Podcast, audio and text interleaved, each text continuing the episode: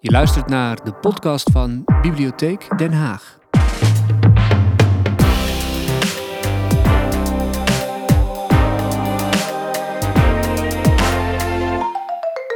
Goedenavond.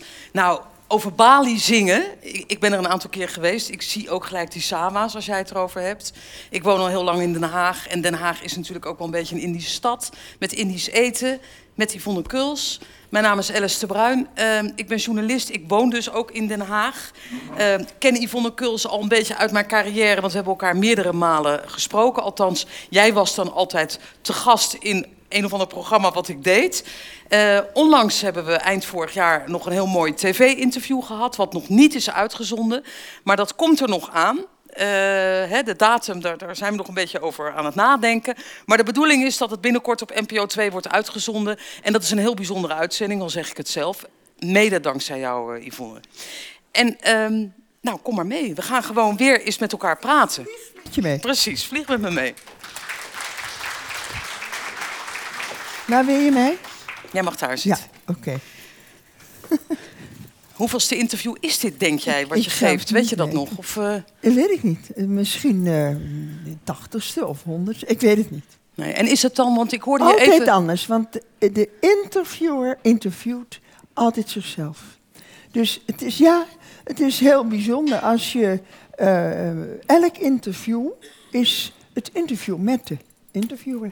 Ja, dus, en het, maar is het dan ook nog spannend voor jou ja, eigenlijk? dat is omdat het voor mij spannend is, omdat ik nooit weet wat het gaat worden. Nee. Want jij gaat het doen. Ja. Dus jouw interview. Nou, en toen heb ik gedacht, ja, wat, wat doen we nou? Gaan we nou eh, hoe, hoe gaan we dit aanpakken? Want dat kun je op honderden eh, manieren doen, een interview, dat weet jij ook. Ja. En toen dacht ik, toen kreeg ik via de uitgever allerlei foto's eh, van jou te zien. Oh.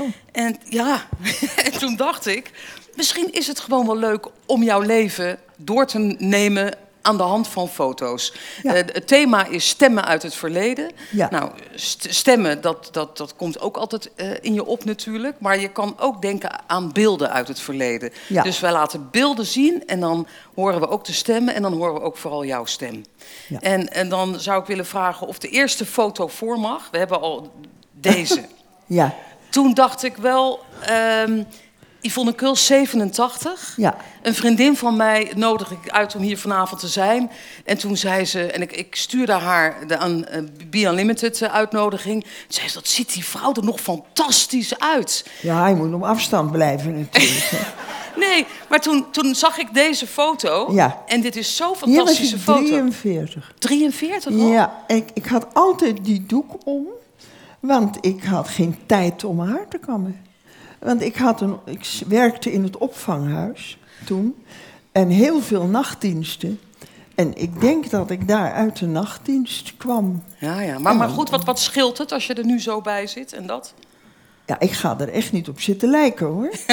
Dat is de moeilijkheid met foto's. Je moet, als ze recent zijn, dat is die andere, die weet ik veel, die, die was hier zo net, die is recent. En dan, als ik die zie, denk ik, ja, ik moet erop lijken. Ja. Maar het, het lukt bijna niet. Nee, maar goed, er zijn mensen die zeggen... Yvonne Kuls, die blijft er een beetje meisjesachtig uitzien. Hoe krijg Nou, je dat voor hebt- elkaar? Ja, nee, dat is met iedereen. Je hebt allemaal een, een, eh, een bepaalde leeftijd. En die hou je.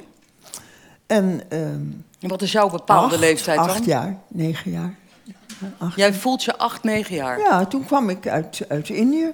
En ik kwam in Holland. En het zoete Indië heb ik achter me gelaten. En in mijn hart gelaten. En ik kwam in een koud land waar oorlog kwam. En eh, ik, ben altijd, ik heb altijd vastgehouden dat stukje eh, wat ik verlaten heb. En dat is die leeftijd. En ik, eh, ik heb ook altijd het gevoel dat ik dat nog in me heb. Dat ik dat ben gebleven. Deze foto, die komt nu voor. Ja, zielig, dokter, hier heb ik pijn. Want? Ik weet niet, ik vind het erg zielig. Waarom zielig? Ja, dat weet ik niet. Ik vind het zielig. Maar hoe, waar- hoe oud ben je hier, weet je dat? nou, weet ik niet. Ik, ehm, ehm, eh, dat was in een flat, denk ik. Ehm, ik weet het niet. Ik, misschien ehm, eh, achter in de dertig of zo. Ja, maar daar zie je er ook nog prachtig uit, hè? Ja, heel naïef. Naïef. Ja, heel naïef. Waarom naïef dan? Dat weet ik niet. Dat zie ik toch aan het gezicht. Heel naïef. Ja. Ja, het gaat over jezelf, hè? Nou, ik vind je niet naïef, dat zou ik niet willen zeggen. Maar goed, je bent 87, je ziet er nog fantastisch uit. Ja. Je voelt je acht jaar. Nou, daar gaan we het nog Ja. uitgebreid eh, over hebben, hoe dat dan zit. Hoe zit het eigenlijk lichamelijk? Ja, ga ik allemaal kwalen noemen? Nee, nou, nou nee, maar goed, Zitten we 87. hier morgen nog? Nee, maar 87 zijn mensen die komen de deur niet meer uit, hè? Dat weet je. Nee, nou, als ik de deur niet uitkom, dan zit ik aan een boek. Dan ben ik, moet ik een boek af hebben. Nou, ik heb goede tanden. Daar begint het mee. We gaan niet alle organen langs, dat is niet mijn bedoeling. Maar het is meer van, ben je nog fit Ja. om alles te doen wat je wilt doen? Ja, ik ben heel erg fit en ik, ik zeur niet, hè. Het liedje van, eh, van Annie Schmid, hè. Zeur niet, zeur niet. Hij haakt gelijk in. Ik ga het niet zingen. Oh, oké, dat dacht ik Als even. je oud bent, als je moe bent, als je rillerig en ziek en depressief bent. Ja. Maar hè, ga de cocktaildress verscheuren, maar ga niet zeuren. Zeuren. Ah. Ja, dat is het punt. Ja, dat Hans is Stijger, fantastisch. dames en heren. Ja. Even applaus alvast voor hem. Hans en ik hebben vele malen opgetreden. Altijd feest met Hans. Ja. Goed, nou, we gaan er een feestje van maken, ook vanavond. Hij gaat Ja. ook optreden Ja. tijdens ons gesprek. Eh, laten we even teruggaan naar Nederlands-Indië. Want je noemde dat al. Eh, tot je zevende, achtste heb je daar gewoond voordat je naar Nederland eh, kwam. En daar hebben we ook prachtige foto's van gevonden. Ja, en hier dan, was ik die baby, hè? Ik keek toen al zuur. Kijk maar. ja, ik, had, ik was een nakomertje. Maar dat was, mijn moeder zei, dat was niet de bedoeling, want ze hadden al een nakomertje. Dat was dat andere jong. Ja. Want wie zien we hier? Eh, mijn jongste broer, Rudy, hele hoge Piet geworden. En mijn zusje, Greetje. En Hans, die daarachter staat. En wie was Hans? Hans is mijn oudste broer. Ah, en die Ja. heeft jou beet. En die? Die heeft jou op zijn... Op zijn eh, Ja, eh, die heeft mij heel schoot. lang vertroeteld. Ja. ja? ja, ik heb altijd gedacht, als ik nog één zus of broer erbij had, dan had ik totaal geen problemen in mijn leven. Want ieder van mijn broers en zusters die eh, zorgde ergens voor. Ik, eh, mijn, mijn zusje zorgde voor de kleren van mijn kinderen, want daar had ik natuurlijk ook geen tijd voor. En voor de sinaasappels die uitgeperst moesten worden toen ze baby waren. En eh, mijn jongste broer, die hadden wij geen auto natuurlijk, die bracht mij overal naartoe. En, oh, gaat het dan. Zo, zit hij weer goed? Ja, Zo. je nog steeds. mijn oudste broer, als, ik had nooit geld. En dan zei ik, ja, ah, ik heb weer geen geld. En dan, en dan gaf hij geld. En echt, als ik er nog eentje bij had gehad, dan had ik echt geen problemen. Dan zou alles voor je gedaan zijn. Laten we nog eens naar een foto kijken uit jouw jeugd. Ah, Dit vond ik ook een hele Gillen mooie. van de lach natuurlijk, altijd lachen. En dat is mijn baboenen. En die heeft mijn leven lang is ze mee geweest. Die is met de boot eh, naar Holland gegaan. Echt? Ja. Ja? En die ging ehm, in een, eh, eh, op de Van Boetselalaan, hoek Kranenburgerweg, had je toen een huis. En dat was, ja, dat wil je niet geloven, dat was een hangplek, dat had je toen al, voor zeebaboes. En daar ging zij naartoe. En wij woonden toen op het Frederik Hendrikplein en ik ging. Ik had zo'n verlangen naar haar. Dat ik ging bijna iedere dag liep ik naar mijn baboenen. Ja, dus de baboek kwam mee vanuit Nederlands-Indië naar Nederland. Ja, en de baboe was voor mij eigenlijk eh, een soort moeder. Ja, Ja, ja. dat begrijp ik. Ja. En hier staat ze, een hele ja, mooie hier, foto. Hier, dat is de enige foto waar ik baboenen heb. Ja. Volgende foto. De hele ja, dat familie? is het huis in Indië waar wij, mijn man zit daar, waar wij eh, tot twee jaar geleden nog ieder jaar naartoe gingen. Dat staat er nog. Staat er nog en steeds. het is nog in de familie. Ja. En wat voor, wat voor gezin was het daar in Gezin? Nederlands-Indië? Ja, hoe zou je dat Eh, omschrijven? nou, mijn vader was een hoge ambtenaar. Was een ingenieur, was een Joodse jongen uit Holland daar naartoe. En mijn moeder was een half Javaanse. Had een Javaanse moeder. En eh, die stierf toen ze 22 was. En toen ging mijn moeder naar een, eh, haar vader, de vader van mijn, van mijn moeder dus, die keek helemaal niet naar die kinderen om. Eh, en die heeft, die, toen die vrouw stierf, toen haar moeder stierf, heeft ze de kinderen die zij toen al had, bij de zusters Ursuline in een weeshuis geplaatst. En daar heeft mijn moeder gezeten tot haar achttiende jaar. En toen werd ze gewoon de straat opgegooid. En toen kwam ze toevallig eh, een apotheek die daar aan de overkant was, die heeft haar toen gezet in een kosthuis. En ze moest dan een beetje werk doen voor die apotheek. En in dat kosthuis zat mijn vader. Die was net uit Indië gekomen. En die, ja, mijn moeder, die was zo mooi. En die vond dat een mooie meid. En die, die is toen met, met haar getrouwd. Ja. Nou ja, wat Laten we, laten we nog naar een foto kijken. Denk ook nog uit Ja. Nederlands-Indië. Dit is jouw moeder. Ja, dat is mijn moeder. Die deed alsof ze helemaal, een, een, een, helemaal ver-Europeest was. En zij poederde zich helemaal wit ook nog. Met bedak. Dat heette bedak. En bedak is van bedekken. En waarom dus- deed ze dat dan? Dat Nou, helemaal wit poederen? omdat je, als je blank was, dan deed je mee. Anders Ah. deed je mee. En eh, zij deed helemaal mee. Dus ja, Met een broertje weer, neem ik aan. met dat broertje. Ja. Ja. Ja, dat Volgende foto. na- nakomertje.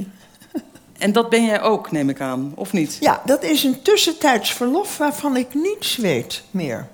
Ik denk dat ik een jaar of drie was. Ah, en wie is die mevrouw? Nou ja, dat zie je. Dat is mijn, mijn zusje. En die was donker. En die was eigenlijk net zo donker als mijn moeder. Alleen zij poederde zich niet wit. Ah. Dat is het verschil. Ja, en waarom deed zij het niet dan, denk je? Omdat zij gewoon een natuurlijk mens was. Een heel leuk mens. En eh, was gewoon zichzelf. En kwam er ook voor uit dat ze donker ja, was? natuurlijk. Ja. natuurlijk. Ja, eh, dat kon ook. Ja. Volgende foto. Ja, Ach. dat, dat is eh, op school. was de oorlog net begonnen. En toen schreef ik al verhalen in mijn schriftje. Want ik heb een stapel van die schriftjes.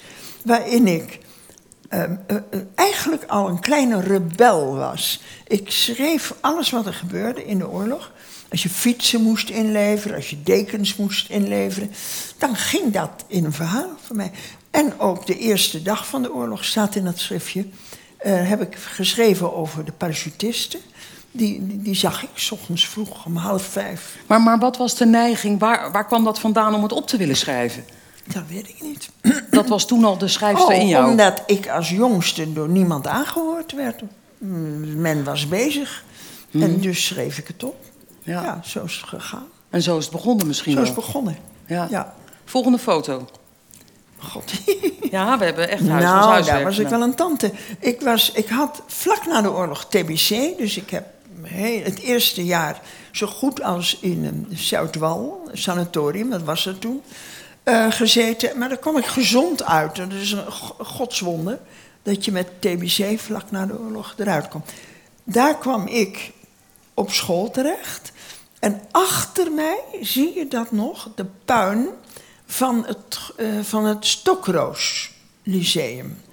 En daar zat ik dus op. En dat is door de Duitsers in de, ehm, in de ehm, 1942 is dat gelijk gemaakt met de, met de eh, grond. 25.000, je kunt je niet voorstellen. 25.000 huizen zijn geofferd aan de Atlantic Wall. En wij hadden een huis eh, op Annemoon, Annemoonstraat. Mijn vader was intussen leraar en in die straat hadden leraren huizen. Het waren hele mooie huizen. En wij moesten in 24 uur, we kregen een briefje, een pamflet. In 24 uur moesten wij het huis verlaten. Omdat die Atlantic Wall gebouwd moest En worden. da- daar zou Atlantic Wall komen. Ja. En nou goed, nou zie je daar helemaal eh, recht zie je nog zo'n zo'n zo'n huis staan. Weet je wel? Daar. ja, ik zie Nou, het. daar. Maar daar is een puin gekomen en op dat puin hebben ze een, een, een sportveld gemaakt. En dit is op een sportveld waar wij staan. En wie zijn we? Wie Dat zijn die is- meiden? Dat zijn meiden toen Hoeft niet nog. allemaal te weten, maar zijn het vriendinnen of dat klasgenoten? waren vriendinnen, gedeeltelijk uit mijn klas. En, eh, ik, maar ik, ik had in mijn klas alleen maar één nog. Waren met z'n tweeën. Want wij, ik, zat, ik moest dus door die vader van mij... die was wiskundeleraar. Dus alle kinderen Bamberg moesten HBSB doen. Of je daar nou geschikt voor was of niet. Ik was er dus toch wel geschikt voor, maar ik had liever het gymnasium of een andere taalafdeling gedaan. Maar ik moest dus ook naar HBSB, dus ik zat daar, dat waren alle meisjes van de parallelklasse HBSB. En dat is per klas ongeveer twee geweest. En die donkere, dat ben ik. Moet je nagaan dat in die tijd werd ik al een allochtoon genoemd. Ik was donker en allemaal waren ze blond. En werd wat- hoe reageerden ze dan op jou?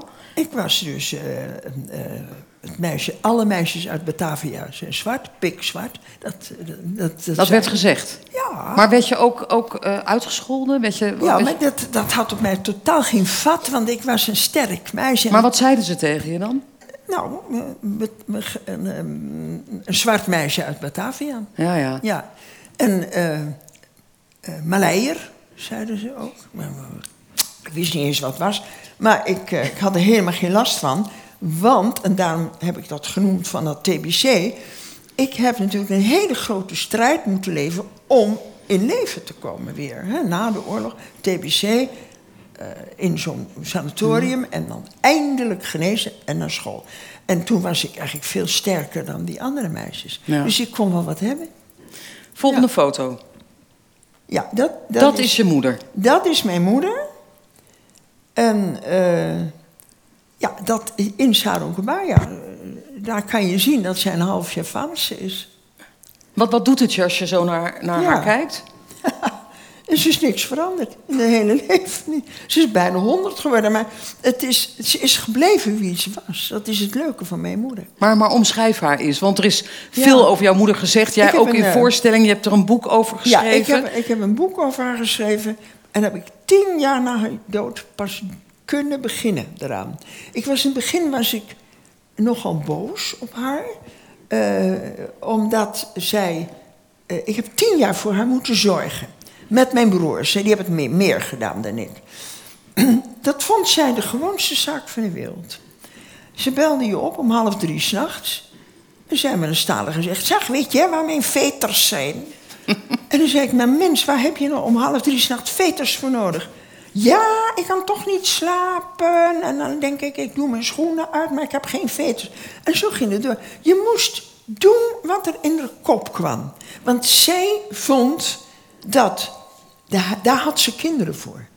Ah. Zij, haar kinderen moesten haar eh, verzorgen. En ik Maar dat was aan het eind van haar leven. Vertel je nu de la- nou, de maar, laatste tien jaar van haar leven. Ja, maar aan En- het begin, weet ik uit ons eerdere gesprek... Ja. toen jullie eh, eh, in het Statenkwartier gingen wonen... Ja, zij wilde niet kort. graag naar buiten. Nee, nee, en jij werd naar buiten gestuurd. Vertel nou, dat ja, eens. ik was natuurlijk als jongste, heb ik dat ding nog? Ja. Als jongste eh, was ik een soort eh, heraut van haar. Hè? Ik moest doen wat ze zei. Dus, ehm, doet u het nou? Ja? Oh. Ehm, ehm, eh, dan zei ze, ehm, zij ging niet naar buiten. Waarom? Ze had geen schoenen. Dat is een heel goed argument. Als je geen schoenen hebt, ga je niet naar buiten. Waarom had ze geen schoenen? Zij kon geen schoenen aan. Want zij liep in Indië altijd in sandaaltjes. eh, die, die breed waren. En, en hier was het dan koud. En dan kreeg zij veterlaarsjes. En daar moest zij aan. Dat was denk ik de mode toen. En dat wou ze niet. Dus ze, zat daar met de blote voeten in huis. En dus zei ze, ga voor mij kijken. Zoek voor mij, koop voor mij, doe voor mij. Dus ik moest alles doen. En daar ging ik aan winnen. Dus zij stuurde mij uit. En dan had ze ook nog een boodschap bij. En kijk daar vooral om de hoek. Dat moest ze zien. Tot daar kon ze het zelf zien, maar om de hoek kon ze niet zien.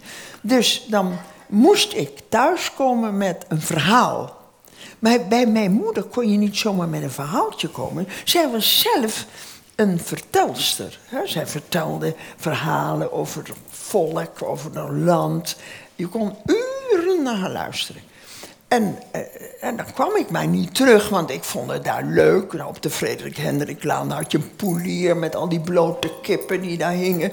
Dat had ik allemaal nooit gezien. En een hoedemaakster en alles, allerlei winkels had ik in Indië nooit gezien. Ik was daar heel... Indië had je een, een prachtig koloniaal huis. En dan had je een, een, een erf eromheen. Maar geen blote groot. kippen. Nee, Nee. dan had je niks. Maar dan kwam jij terug en dan had je die blote kippen gezien en, Ja. en al die andere die Maar daar, daar had, was mijn moeder niet in geïnteresseerd. En wat zei- En dan had ze één woordje en dat, ze had een krukje klaarstaan. En dan, dan kwam je binnen en zei ze, kom, kom, kom, kom. En, en dan duwde ze me op die stoel. En, dan moest ik vertellen. Dat woordje en, dat is voor mij magisch geworden. En? En, nou, en dan ging ik. Maar ja, ik, ik wist, ik kende mijn moeder zo goed. Eh, dus ik dacht, ja, ik kan niet over die kippen vertellen, wat ik kippen. Dat. Maar ehm, wat dan? Dus ik verzon hoe het er daar uitzag. Ik verzon en ik dacht om haar een beetje goed te stemmen, verzon ik een landschap dat leek op Indië. Met watervallen, met eh kalies, met stenen erin, noem maar op. Wat je dat allemaal gezien had om de hoek. Wat ik gezien had, Ja. om was toch niet te controleren. Want zij ging toch niet naar Nee, buiten ze op de blote buiten. Tot ze op een dag naar buiten ging. Hè? Ik weet niet of ik je dat vertelde. Ja. Nee, nou, op een dag had mijn zus, die zoveel ouder was, die had een eh, vriendje. En die huurde een auto. Dan weet je wel, die auto's die hadden vroeger zo'n treeplank. Die werd naar, naar buiten geslagen. En mijn moeder, voor die ene keer wilde ze dan wel schoenen aan. En ging ze mee en in de auto en daar zat ze dan. En ik moest ook. Ik moest altijd mee. Je kon je gewoon niet voorstellen. Ik moest overal mee. En Nou, toen gingen jullie de hoek om. ja, en, en toen gingen we rijden. En die jongen die zou haar de buurt laten zien. En ik zweette peentjes, dat weet ik nog wel. Want ik dacht, nou komt ze erachter dat er geen watervallen zijn, er geen bergen en toestanden. En zij keek. En ik zie, er nog, ik zie dat beeld nog voor me. Zat ze te kijken. En toen zei ze op een gegeven ogenblik... Zo ziet het er niet uit. Dus een totale omslag. Ze koos voor het verhaal. Ze koos niet voor de werkelijkheid. En met zo'n moeder word je schrijver. Want ze koos voor het verhaal en ze heeft mij van jongs af aan geleerd... het gaat om het verhaal. En of je dat verhaal nou mooier maakt of weet ik het... dat is niet zo belangrijk. Dat zijn allemaal ingrediënten... die heb je nodig voor het verhaal. Nou, dan ben je thuis, dan ben je klaar. Laten we je... Dit, dit is het boek trouwens wat je hebt geschreven, is, eh, Mevrouw Mijn is- Moeder. Dit is een boek, eh, Mevrouw Mijn Moeder, wat ik uiteindelijk eh, dan heb geschreven. Het is een heel eerlijk boek. Dat, je hebt het gelezen, het is heel eerlijk. Vijftigste druk, hè, nu, tijdens de Boekenweek. Het is de vijftigste druk. Ja, dus echt heel veel. Hoor. Maar je kon het pas schrijven toen ze dood was. Nee, toen- tien jaar was ze al dood. Ja. Ik heb het al een paar keer geprobeerd en dat, dat lukte mij niet. Ik, ik vond het ook een beetje een verraad naar haar, want het is niet altijd even, even leuk. Wat was er dan niet leuk aan jouw moeder? Ik bedoel, ze heeft er toch voor gezorgd dat jij de Yvonne Kults bent geworden die je bent. En een succesvolle schrijfster. Nee, eh, nou, daar heeft ze niet voor gezorgd. Ze heeft gezorgd ervoor dat ik ben geworden wie ik al de bedoeling ben dat ik word. Want ze zei al, ze gaf mij een andere naam. Ze vond die naam onzin. Yvonne, dat vond ze niks. Zij noemde mij Angen. Angen betekent in het Maleis wind. En ook verhaal dat op de wind wordt gedragen. Maar ook verhaal. Want Maleis is een hele rijke taal. Hè? Het betekent ook verhaal en betekent ook gerucht. Dus alles heeft met ge- geritsel om de waarheid te maken. En het betekent ook kan waar zijn. Kan niet waar zijn. Ik hoor het er nog zeggen zo. Eh, die naam, ze zei ook, want jij gaat later vertellen. Dat heeft ze goed Want gezien. je wordt wat je naam zegt dat je bent. Nou, dat is waar. Ja. Maar, maar wat, wat was, jij zegt dat boek, daar za- zaten ook minder leuke dingen in over mijn moeder. Wat, wat vond jij ingewikkeld aan je moeder? Waar had je moeite mee? Dat ze niks deed. Zij, zij liet andere mensen wat doen. Ze had een handje, dat is het enige wat ze gebruikte. En dat ging eh, zo, eh, haal, doe, koop, zorg, eh, pak, noem maar op. Zo, dat ging dan maar zo heen en weer. En dan vond ze de gewoonste zaak van de, leden, van de wereld, dat je dan eh, in beweging kwam. Maar dat kon niet altijd. Ze had westerse kinderen. ik, ik, ik werd opgevoed tot een westerse vrouw uiteindelijk. Ik had een westerse baan. Ik had eh, de westers tijdbesef. Ik zat ook al om hoor. Mijn moeder had gevoel tijdloosheid. Die had geen horloge, die had geen klok, die had eh, niks. Die, die ging alles op gevoel en op gevaar af natuurlijk. Hè. Maar daar had jij moeite mee, dat zij jullie zo bedeelden eigenlijk. Ja, nou ja, zij, zij beschikte over mij. En, en, en over mijn zus. En die was een groter rebel dan ik. Die was in de oorlog ook in het verzet. Dat waren, eh, hè, of misschien verzette ze zich wel tegen mijn moeder in het verzet. Dat weet ik niet. Hè. Maar ehm, mijn moeder beschikte over haar dochters. Dat vond ze makkelijk.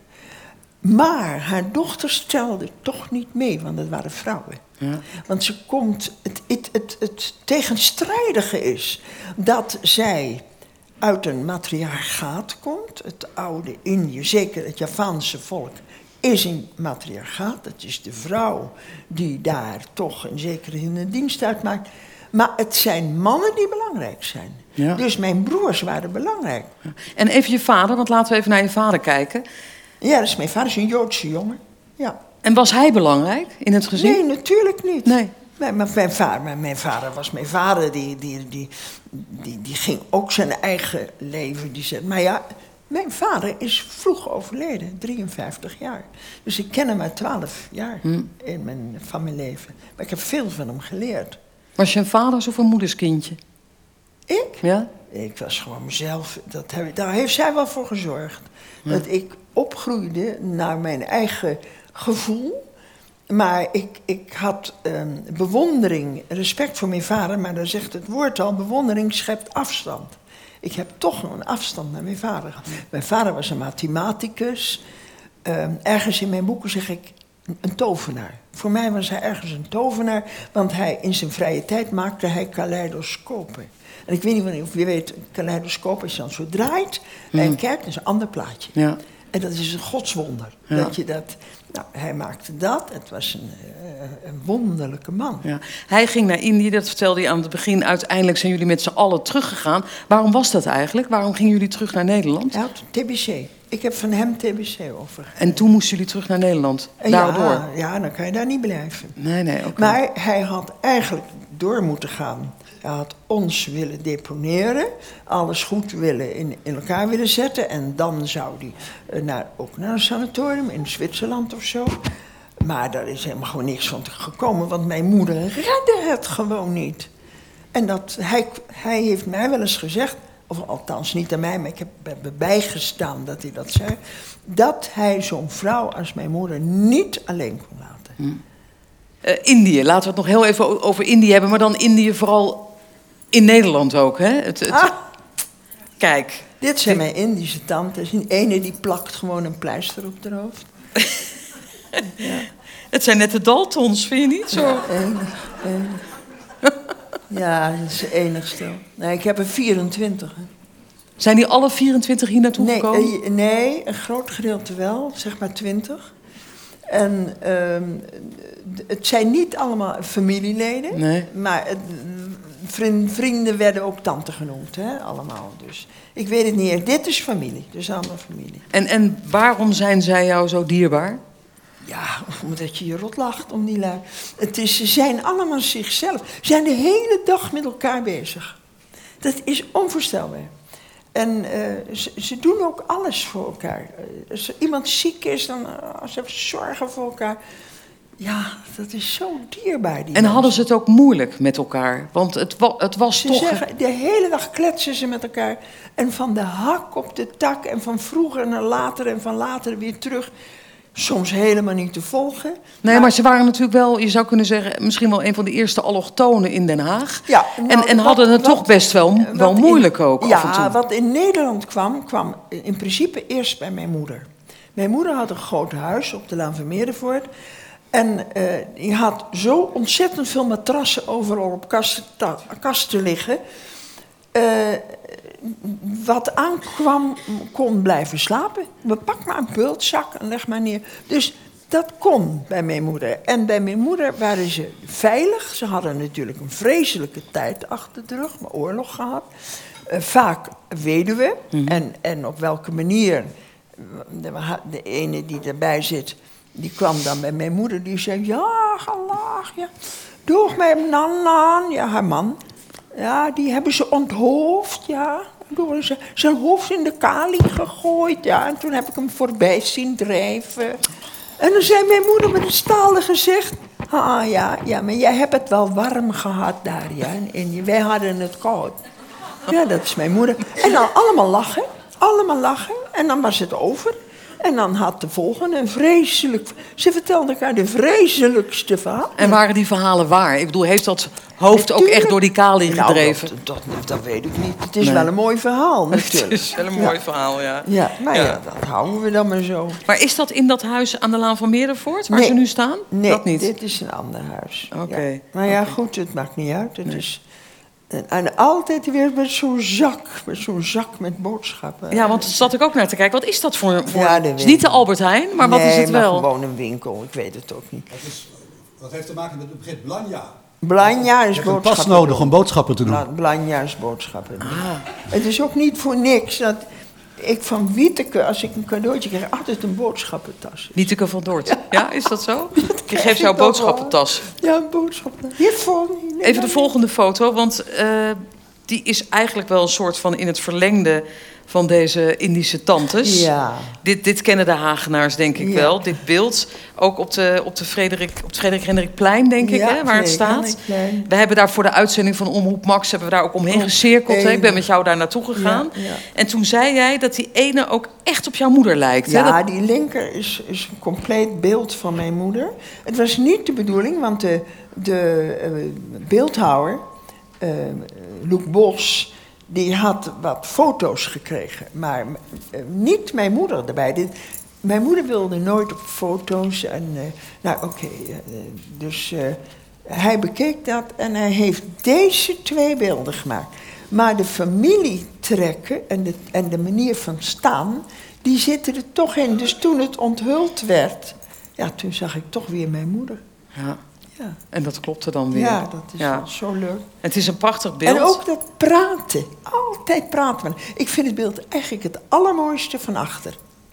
Die ruggen die zo koesterend bij elkaar staan. Dat vind ik zo mooi. Ja, want, want jij hebt ook al, zij kwamen natuurlijk naar, naar, naar Nederland. Veel Indische mensen kwamen in Den Haag eh, te wonen. Ja. Eh, jij hebt heel vaak wel gezegd dat je een beetje de manier waarop Nederland reageerde op de komst van de Indische Nederlanders naar Nederland, dat dat niet allemaal even netjes is gegaan. Nee, dat is, maar dat is ook eh, onkundig geweest. Hadden Maar net- noem eens wat dan. Wat, Nou, een heleboel mensen zijn eerst in contractpensions. Ze zijn niet opgevangen. Er is alleen gedacht, wij hebben een oorlog gehad. Hè? En de hongerwinter, iedereen had het over de hongerwinter. Mijn moeder had het over.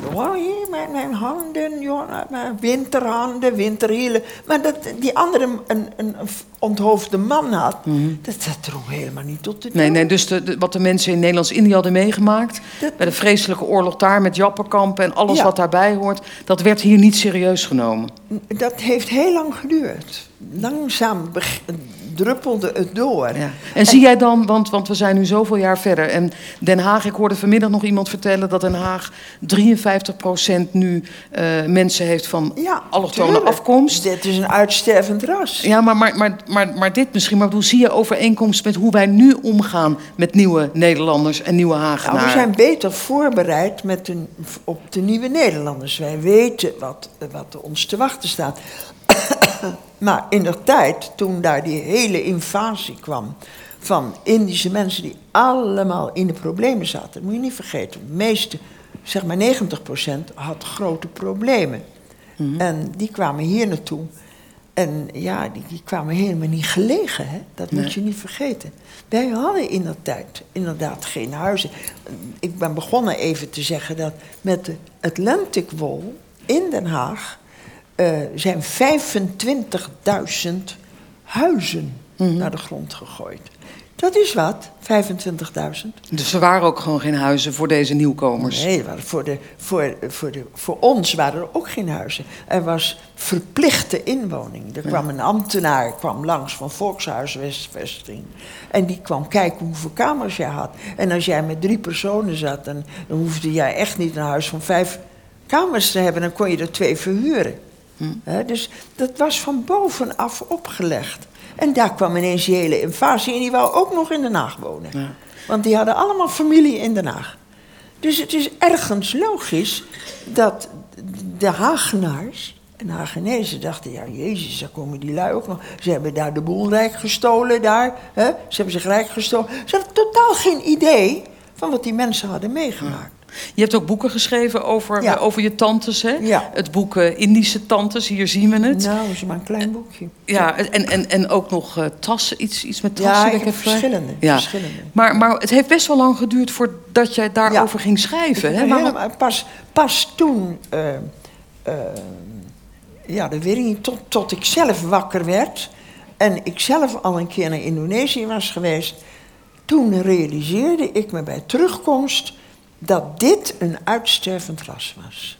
De dames. Ja, Ja. dit was een uitstervend ras, dat kregen wij nooit meer terug. En eh, als ik er nou toch tussen zat, dan eh, moest ik mij eigenlijk uit die sociale sector waarin ik dus al tien jaar werkte, moest ik mij even losmaken, even, dacht ik, om eh, eventjes eh, dat wat er in mijn familie gebeurde, om dat maar eens even gestalte te geven. En dat heb ik dan ook gedaan. En ja, toen kwam daar zoveel reactie op. En intussen ging ik ook me dus verdiepen in deze mensen.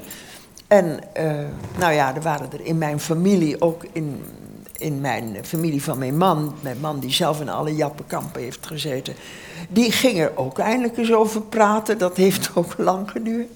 En, Want het heeft tijd nodig voordat je het verhaal wil ja, vertellen. Ja, toen ben ik eigenlijk erachter gekomen. Jemie, nee, wat hebben die mensen meegemaakt? Ja. En zo ben ik toen eigenlijk voor het eerst mijn roman gaan schrijven, Louietje Smartegeld. Voordat jij ging schrijven wil ik even, want ik, ik wist dat niet, dat jij ook voor de klas hebt gestaan. Ja, ja, ik ook. Ja, ja daar dit zit je. was nog een vierde klas. Maar Een soort meest- luizenmoeder, maar dan anders. Ja, maar het meest indrukwekkende is de zesde klas die ik had. 53 kinderen. Ja, vlak eh, dus na de oorlog was dat een vernieuwingsschool. De, eh, de, eh, de Sch- Schilderswijk werd gesaneerd. En al die kinderen die kwamen in, ja, in een nieuwe school terecht. En de, de zesde klas, dat, daar kwam alle puin bij elkaar. Want ehm, de leeftijd, de schoolleeftijd was 15 jaar. Dus je moest op school blijven tot je 15e jaar. En die kinderen die gingen niet eh, naar, naar, naar de MAVO of naar de HAVO of weet ik het al.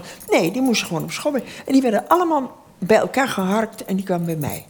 En het zesde klas en ik was nog nauwelijks 20. Moet nagaan. En ik kreeg die 53 kinderen. En er waren er 12 bij. En die moesten toelatingsexamen doen. Maar boeken waren er ook niet. Dus ik moest ook nog alle, alle lessen maken. En ik had eh, getrokken. Je moest loodjes trekken. En ik trok natuurlijk weer de, de rotste plaats. Om half zeven s ochtends mocht ik mijn lessen stencelen. En dan daarna andere, want het is maar één stencilmachine. En die stencils die deelde ik dan uit. Maar op een gegeven moment dacht ik, ja, daar schiet ik niet meer op. En toen, ik speelde goed piano. En ik heb toen een oude piano gekocht. En die heb ik midden in de klas laten takelen. Boven was dat. Eh, enorm uh, heisa was dat. En eh, toen heb ik alle lessen heb ik op muziek gezet. En laten zingen. En ik ben er nog steeds van overtuigd dat dat de beste manier van lesgeven is. Maar daar is eigenlijk, in, op die school in de Schilderswijk, is daar jouw maatschappelijke betrokkenheid? Ja, want dat was een, een volksschool. Ja. En die kinderen hadden niks. Die hadden echt helemaal niks. Die moesten eerst de melk rondbrengen met de vader. En dan mochten ze daarna naar school. En dan, ja, en dan moest ik maar zien dat ik wat kon met die kinderen. En die hadden de grootste problemen. En, eh, maar ja, goed, het waren de enige kinderen. En daar ben ik ook met mijn schrijverschap begonnen. Want ik heb toen een musical gemaakt. Omdat ik toch op die piano zat te hakken. Heb ik dus een musical geschreven over het leven van die kinderen.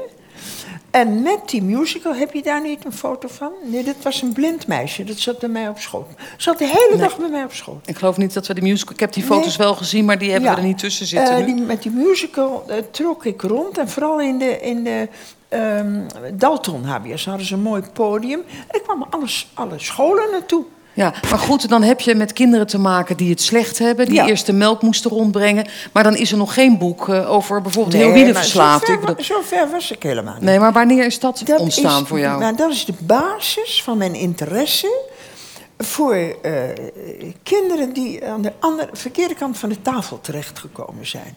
Wat zeg je dat mooi? Ja. Aan de verkeerde kant nou, van de ja, tafel Goed, maar dat is zo. Ik zit in de goede, jij ook, klaar. En zij eh, kunnen het net niet redden, met niks. Met niks. En kun je nog herinneren dat je daartussen zat en dat je dacht... deze kinderen zitten allemaal aan de verkeerde kant Nee, van de dat dacht ik tafel? helemaal niet. Nee. nee, kijk, er is nog een verder leven gekomen. En toen heb ik eh, successen behaald met schrijven enzovoort. En toen, heel langzaam is dat gebeurd. Dan was ik, eh, die ene foto waar je mee begon, dat was ik een jaar of 43. Toen dacht ik, waar ben ik mee bezig? Ik was op een punt gekomen dat ik het helemaal gemaakt had, op mijn 43ste. Ik kreeg alle banen aangeboden die ik maar hebben kon. Ik kon dramaturg worden bij de eh, Haagse Comedie toen. Ze hadden een hoofdafdeling drama, die was net overleden en daar kon ik inspringen en zo. Eh, ik werd eh, uitgenodigd om in de redactie van het Vaderland te komen. Ik kon kiezen. En ik dacht, ja, maar dat wil ik helemaal niet. Ik wil niet. eh, het, is te gladjes. Het is te glad voor mij geworden.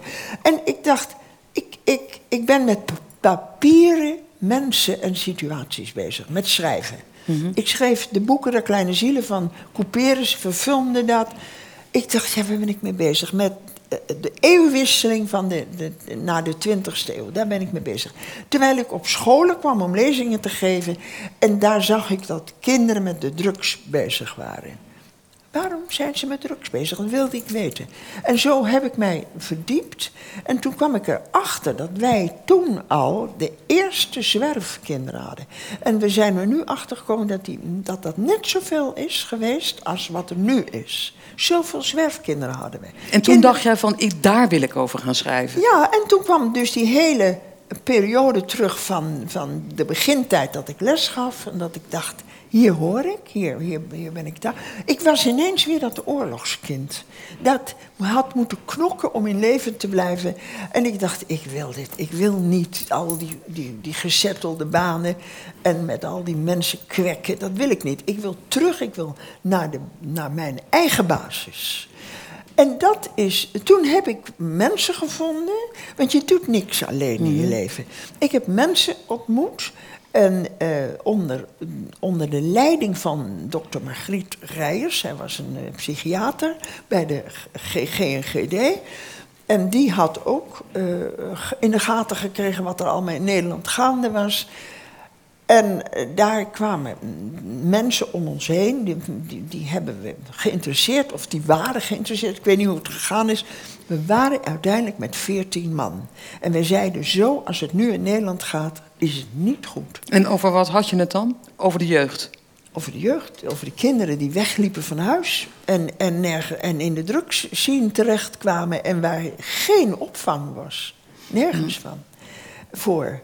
En eh, behoorlijk verslaafd waren en, en aan, aan de straat overgeleverd waren. En hoe was dat dan? Want, want jij was toch eigenlijk een, een keurige Haagse dame. Ja, ben ik altijd Juf in het onderwijs geweest. Ja.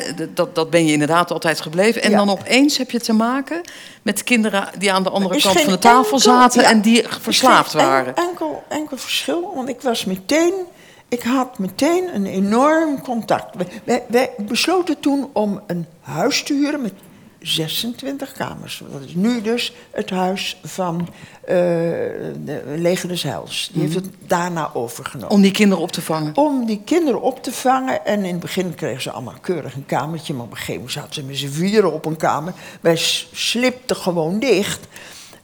Want wij konden die kinderen niet meer kwijt. Wij kregen totaal geen medewerking. Eh, de overheid heeft ons op een verschrikkelijke manier in de steek gelaten. En wij konden eh, kinderen niet weigeren. Wij lieten ze. En er kwam nog iets waar wij geen rekening mee hadden gehouden.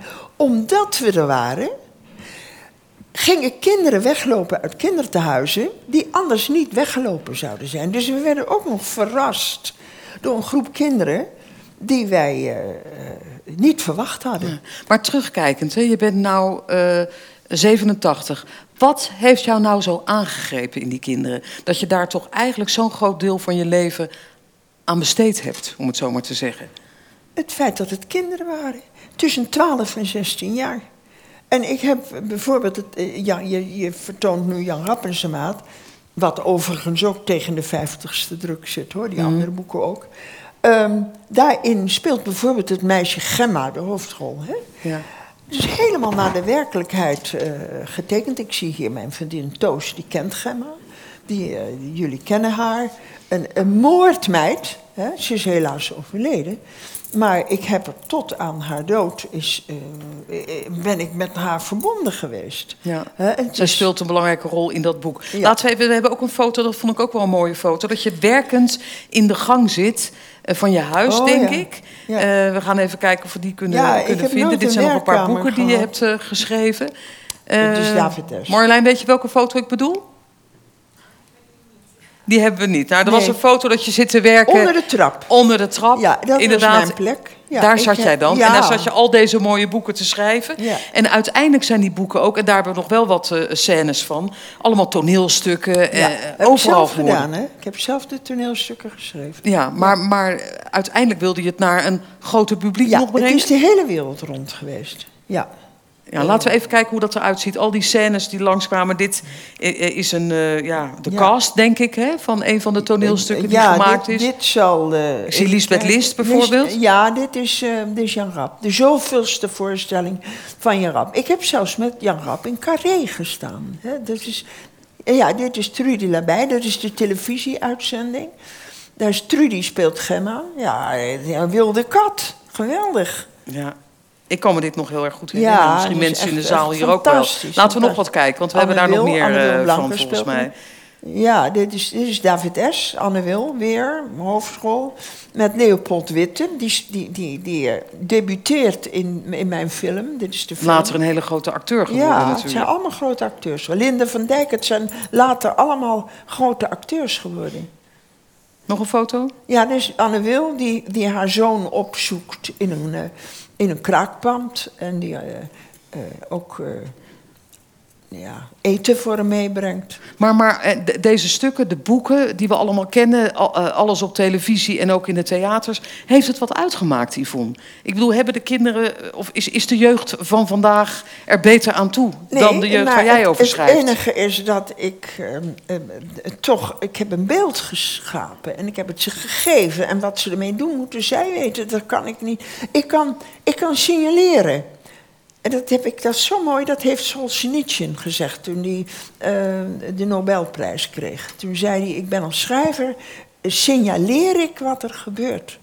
Maar verwacht van mij niet dat ik de oplossing heb. De oplossing moet gegeven worden door deskundigen die mijn signalement lezen. En daarom zegt hij, is een schrijver belangrijk als hij signaleert. Nou, Maar goed, heb hebben ze, wat gedaan, hebben ze wat gedaan met het signaleren van eh, wat, je, wat jij zeg maar in ik beeld denk hebt het wel, gebracht? anders zou dit ook niet een vijftigste druk. En ehm, Jan Rap heeft, dat wil je niet geloven, tien jaar lang... iedere avond ergens in de wereld op het toneel gestaan. Tot in Australië en Amerika toe. En ik heb... ehm, dit is de Franse uitvoering die in... in eh Theater Champs-Élysées in Parijs Ja. heeft gespeeld. Daar is nog nooit één Nederlandse schrijver ge- gespeeld. 1600 man in de zaal. En de zaal stond op zijn kop. Dit is eh, het meisje eh, Gemma. Die zit voor op de grond daar. Eigenlijk voor mij daar zo schuin. Het meisje is 15 jaar en is een Marokkaans meisje. En die, die speelt de sterren van de hemel. Ja. Ja. Dus dat heb je allemaal voor elkaar gekregen. Nou, ik weet niet of ik het voor elkaar. Het, het feit dat het gespeeld werd daar, heb ik voor elkaar Ja. gekregen. Nee, ja, ik niet, het stuk heeft het voor elkaar Ja, maar gekregen. goed, het zijn jouw teksten, jouw signalering om ja, dan die, woorden maar signalering eh, geweest. te. Nergens, nergens. Kijk, het leuke is, dat zie je die trap. Ze bouwden een totaal huis op het toneel. Ja, om dat allemaal in kaart te brengen. Zo heeft het ook in Carré gestaan. Eh, eh, dat is toch wel leuk. Guus Oster, directeur van Carré, die kwam bij de première met Linda van Dijk. En dat was in een mini, mini-mini-theatertje in de brakke grond. En het was zo'n goede voorstelling. Die zei, wat doen jullie daar? Kom mee, ik heb carré vrij voor jullie. En hebben we een carré gespeeld. Ja. Dat kon toen nog vroeger, hè? Ja, dat kan nou niet Ja, meer. nee, dat kan niet. Het zijn Nee. al musicals. En vind jij nou, hè, want wij, hebben- ik sprak voor, voor de uitzending van Omroep Max, die dus nog uitgezonden wordt met eh, eh, eh, Paul, Paul van Vliet. Paul van Vliet. Dankjewel. Het boek werd toen gepresenteerd van Paul van Vliet in Paagman. Jij was daarbij. Wij waren daar ook bij om dat te filmen. Toen sprak ik na afloop met Paul van Vliet en die zei. Ja, Yvonne Kuls is de grand dame van de eh, Nederlandse literatuur. Alleen, eigenlijk zijn er altijd van die azijnzeikerige critici geweest... en is zij daardoor wel miskend? Voel je je ook miskend? Nee, natuurlijk niet. Kijk, ik ben niet miskend, want ik ben door de hele wereld gespeeld. Dus dan kan ik nooit miskend zijn. En die eh azijnzeikerige critici, die zijn er. Maar ik heb toch maar de, de, de prijs der kritiek van de Nederlandse theatercritici gekregen. Die wordt eens in de tien jaar uitgereikt. Die heb ik gekregen. Dus het is niet zo dat, dat zij de overhand hebben. Nee. En we hebben ook een foto dat je met Harry Mulisch staat.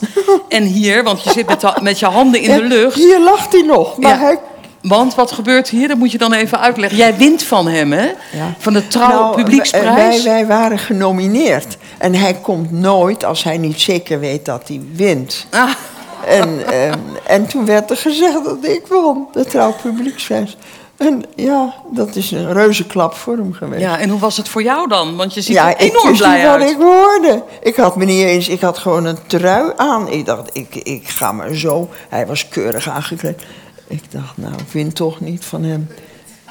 Maar voel je je niet euforisch daar? Ik bedoel, dat moet toch fantastisch zijn geweest? Nou ja, dat je je. Harry Mulisch klopt, eigenlijk, hè? Want dat was het. Ja, nou ja, hij, hij wist zeker dat hij die prijs kreeg. Anders was hij niet gekomen.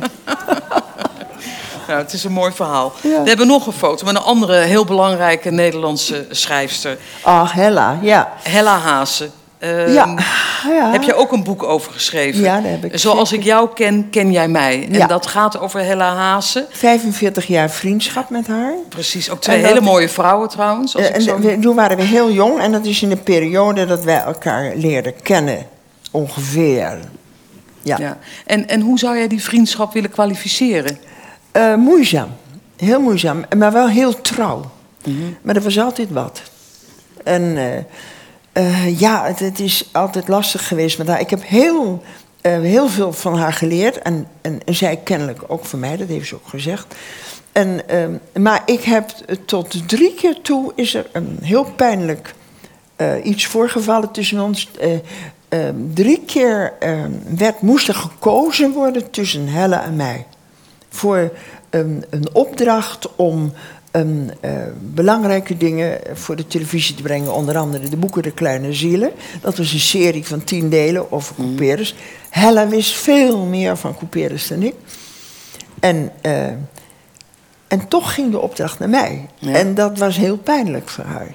Maar de grootheid van Hella is gebleken doordat zij toen aanbood om mij als adviseur te begeleiden. Nou, dat is natuurlijk geweldig.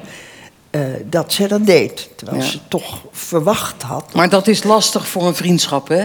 Natuurlijk. jaloezie de métier is het dan een beetje, hè? Nou, voor mijn kant niet. Nee, maar ja. goed, ik kan me voorstellen dat Maar- je wil allebei zo'n opdracht. Je bent goed bevriend en hij gaat naar een van jullie. En dat is pijnlijk soms. nog eens twee keer met de Koperen Tuin van Vestdijk. Mhm. Het mooiste boek van Vestdijk, dat werd ook verfilmd.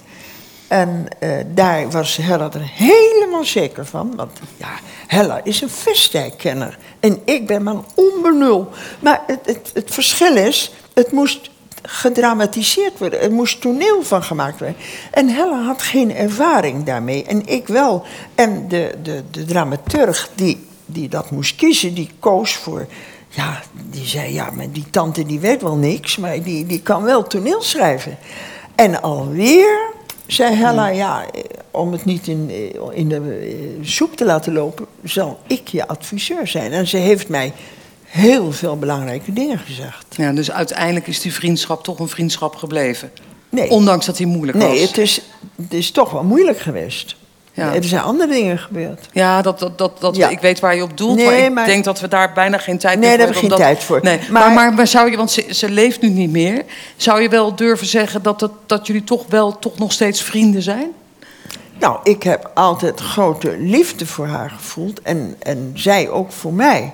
Maar als er essentiële dingen gebeuren in je leven, dan, eh, dan merk je toch dat dat ertussen staat. Dat merk je. Maar toen zij over, zou overlijden, dat wist zij, toen heeft zij mij toch geroepen. En toen zei ze tegen mij, eh, ze hadden haar nog net kunnen eren door ehm, de CPMB, dus de collectieve propaganda voor het Nederlandse boek, had haar boek Oeroeg uitgekozen om ehm, cadeau te geven aan helemaal aan iedereen. Hè? En, dat zou dan in Carré eh, eh, toneel, een toneelvoorstelling komen. En toen zei Hella, ja, dan moet het gedramatiseerd worden. En toen zei ze, ja, er is er maar één die het mag doen. En toen zei ze, dat moet Yvonne doen. En dat vond ik ook weer zoiets groots van haar. Dat ik toch, er was iets tussen ons, maar dat ze toch, zij, ze koos voor mijn vakmanschap. Toch echte vriendschap dan? Ja, ja, maar niet alleen mijn vriendin. Ze koos echt voor vakmanschap. Ja. Ze, haar, haar boek, waar ze mee, haar leven mee begon... dat wilde ze niet zomaar uit handen geven... aan iemand die het een beetje zou proberen. Ja. En ze dacht, nee... en ik zei nog, er zijn er genoeg hoor, op het ogenblik, die het kunnen... En, maar zij zei nee, ik heb dat meegemaakt met jou drie keer, want het is nog, nog een keer gebeurd. Manix Gijzen moest verfilmd worden. En weer dacht zij, ik ben de grote Manix Gijzen-kenner. En alweer zei David Koon, ze- zeiden ze, nee, jij moet het doen. Je hebt meer ervaring voor televisie. En nu zei ze, bij de keus van haar eigen boek... eh, eh, had ze wraak kunnen nemen. Laten we, Ja. als, ze, als ze een slecht mens was geweest, had ze het gedaan. En dat heeft ze niet gedaan. Ze heeft gekozen voor, voor haar eigen kind, voor haar eigen boek. En ze zei, jij moet het doen.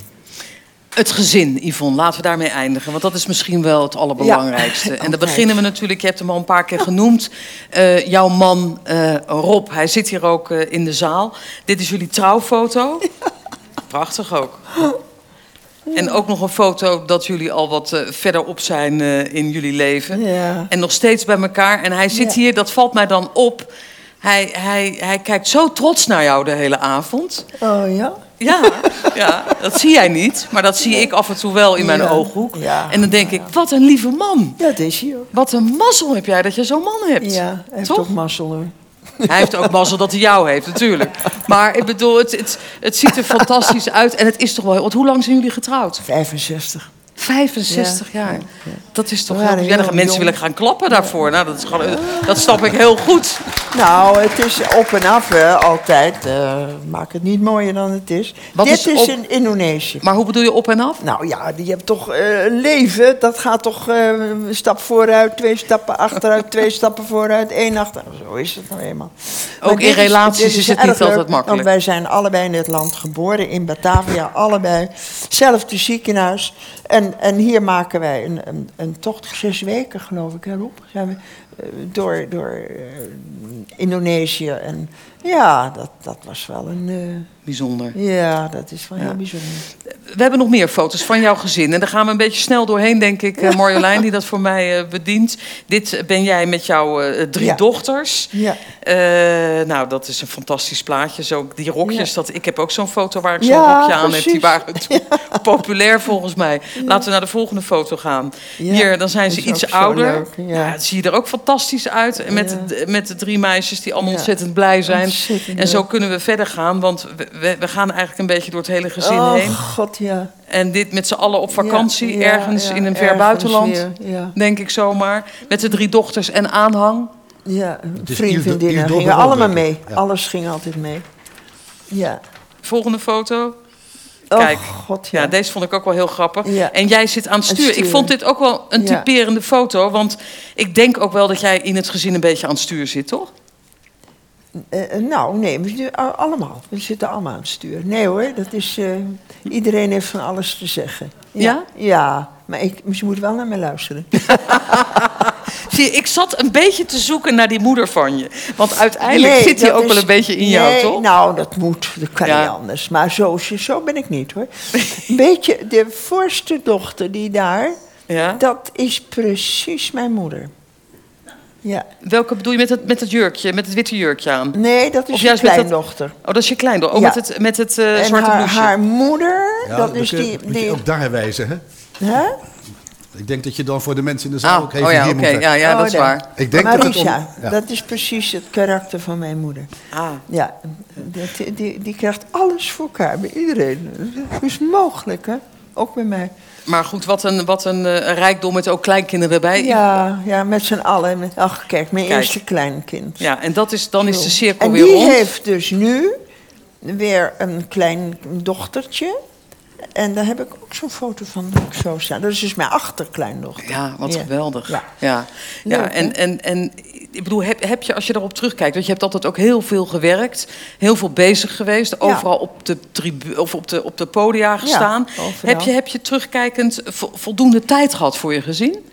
Ja, natuurlijk. Dat, eh, dat is het allerbelangrijkste. Maar eh, ze moeten ook zelf eh, aan de slag, hè? Zo, zo is dat nou eenmaal. Hoe bedoel je dat? Nou, ze, hebben ook ze hebben een eigen leven, ook nog. Mhm. Ja. Dus wij ook. Dus, Maar konden ze het bijvoorbeeld, want ik heb ook toen met jouw dochters Ja, gesproken. ja, ja. Kon, kon, eh, zij hadden begrip voor het feit dat jij je ook zo ontfermde over andere jongeren. Nou ja, ze wisten hoe ik in elkaar zat en dat het geen gril van mij was. Dat wisten ze.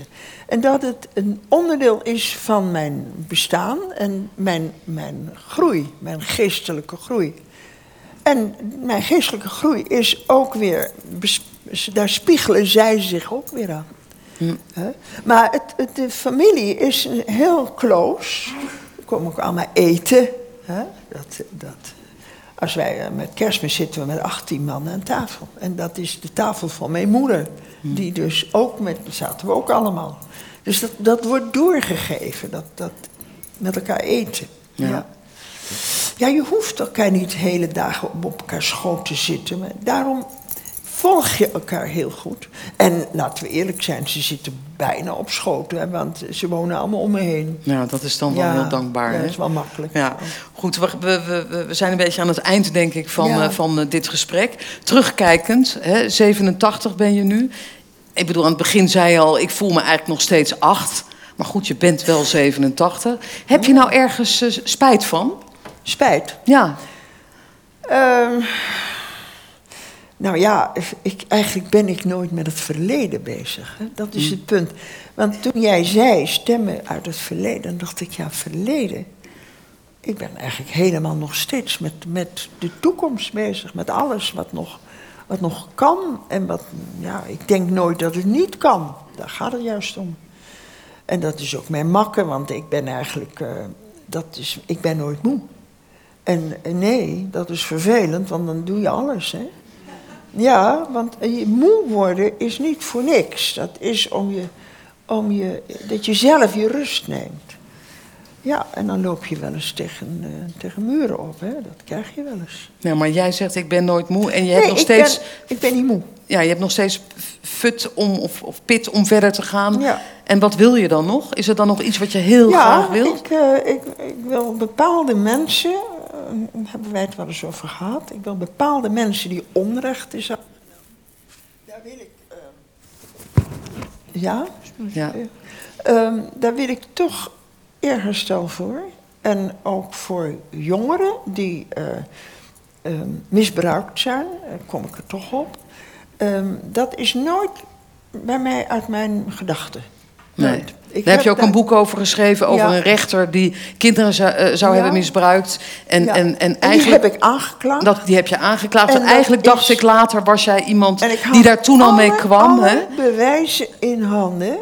En het is geseponeerd. Want de vriendjes houden hun elkaar de hand Ja, maar dat kindermisbruik, dat zag je daarna ook in de katholieke kerk. Je ziet het overal terugkomen. Ja, en, en jij was een van de eerste die daarover schreef. Ja, ik ben waarschijnlijk de eerste, maar dat doet er zelfs niet eens toe. Mhm. het, het, ik ga er, ben er wel, ik ben wel iemand die doorgaat. Dus ik ben nog niet klaar met die handel. En het is zo dat ik had een fantastische advocaat. Hij is nu overleden. En dat was eh, Pieter Herman Bakker-Schut. En dat was notabene de advocaat van de Rode Armee-fractie. Daar komen we dus om. Ik had geen cent te makken, dus zeker niet voor een advocaat. Maar die heeft zich bij mij gemeld. En die heeft tegen mij gezegd: Weet je wel wat er met jou gebeurt? Je wordt vermalen door justitie. Je hebt een goede advocaat nodig. Ik zei: Ja, ik kan wel wezen, maar die kan ik niet betalen. Toen zei hij, en dat zal ik nooit vergeten: Wie heeft het hier over geld? Ik ben jouw advocaat. Klaar. En deze man heeft mij bijgestaan. En zijn vrouw is Adèle van der Plas. Die naam kent u misschien. Dat is nu de vrouw, hij is overleden, die alles overneemt. En eh, die onder andere Demmink aanklaagt. En zij is een pittige tante en ze gaat door. En wij weten allebei, en we weten van meerdere mensen, maar we weten in, ieder geval allebei, weten we dat het een lange adem heeft. En ik ben misschien de enige eh, levende getuige. En dus is mijn getuigenis bij de notaris opgenomen. Dus ik doodgaat, is hij er.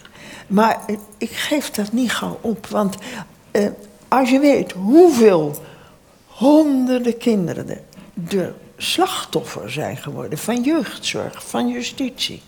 En dat die kinderen geen kant uit Toevallig, mijn man die zei vanmiddag, ik, vanavond, wij stonden eh, klaar om te vertrekken. Hij zegt, god, ik heb, ik heb Robert mhm, aan de telefoon. Ik heb gezegd dat wij naar een lezing moeten, dat we naar iets moeten, dat, dat even niet kan. Dat is een jongen die 30 jaar geleden, zes jaar door de directeur van jeugdzorg misbruikte. Zes jaar lang, hè? niet even. En die jongen komt bij mij. En ik ga naar de directeur en ik zeg, dit alsjeblieft, dit zijn de bewijzen. Ik klaag u aan, tenzij u eh, erkent dat het zo is. En de man begint te huilen. En die gaat over zijn eigen leven praten. Dat hij zelf altijd misbruikt is. Ik zeg, maar daar heb ik het niet over. U bent nu bezig als directeur van jeugdzorg. Een jongen zijn leven helemaal te verzieken. Nou, die man is niet ontslagen. Daar gaat het om. In mijn boek noem ik zijn naam. Ik zal het vandaag maar even niet doen. Hij is niet ontslagen. Er is hand boven het hoofd gehouden. Justitie heeft hem ge- gehouden. Want hij wist weer te veel over de mensen van justitie. Dus het moest toegedekt blijven. Dus dat ging niet. Maar deze jongen, die Robert, die heeft, die heb ik geholpen. En die heeft een boek geschreven. En dat heet Weggejorist. Dat is niet voor niks, Joris Demming. Weggejorist. En in het boek heeft hij alle brieven, alle documenten die op hem slaan. En op het misbruik heeft hij eh, eh, eh, ingezet. Adèle van der Plas gaat dat gebruiken. En er komen nu rechtszaken erover. Nou, wij zijn heel benieuwd. Ja, ik dacht, het is best wel een ingewikkelde, Ja, ingewikkelde materie om dat eh, eh, te Ja. gaan bespreken. Maar we hebben het toch genoemd omdat we eindigen er toch mee omdat jij zoiets hebt. Want ik wil dat toch nog kwijt. toekomst. Dat is de toekomst en daar blijf jij voor strijden. Tuurlijk, tuurlijk. Goed. Dat, en, en, en als de paus de kardinalen eh, roept en zegt: jongens, dat gaan, we- dat gaan we anders doen, dan vind ik dat justitie nou maar eens met de billen bloot moet. Wat er gebeurd is. Ja. Ik wens je nog heel veel jaren Dankjewel. om dat eh, te kunnen doen, Yvonne. Dank je wel.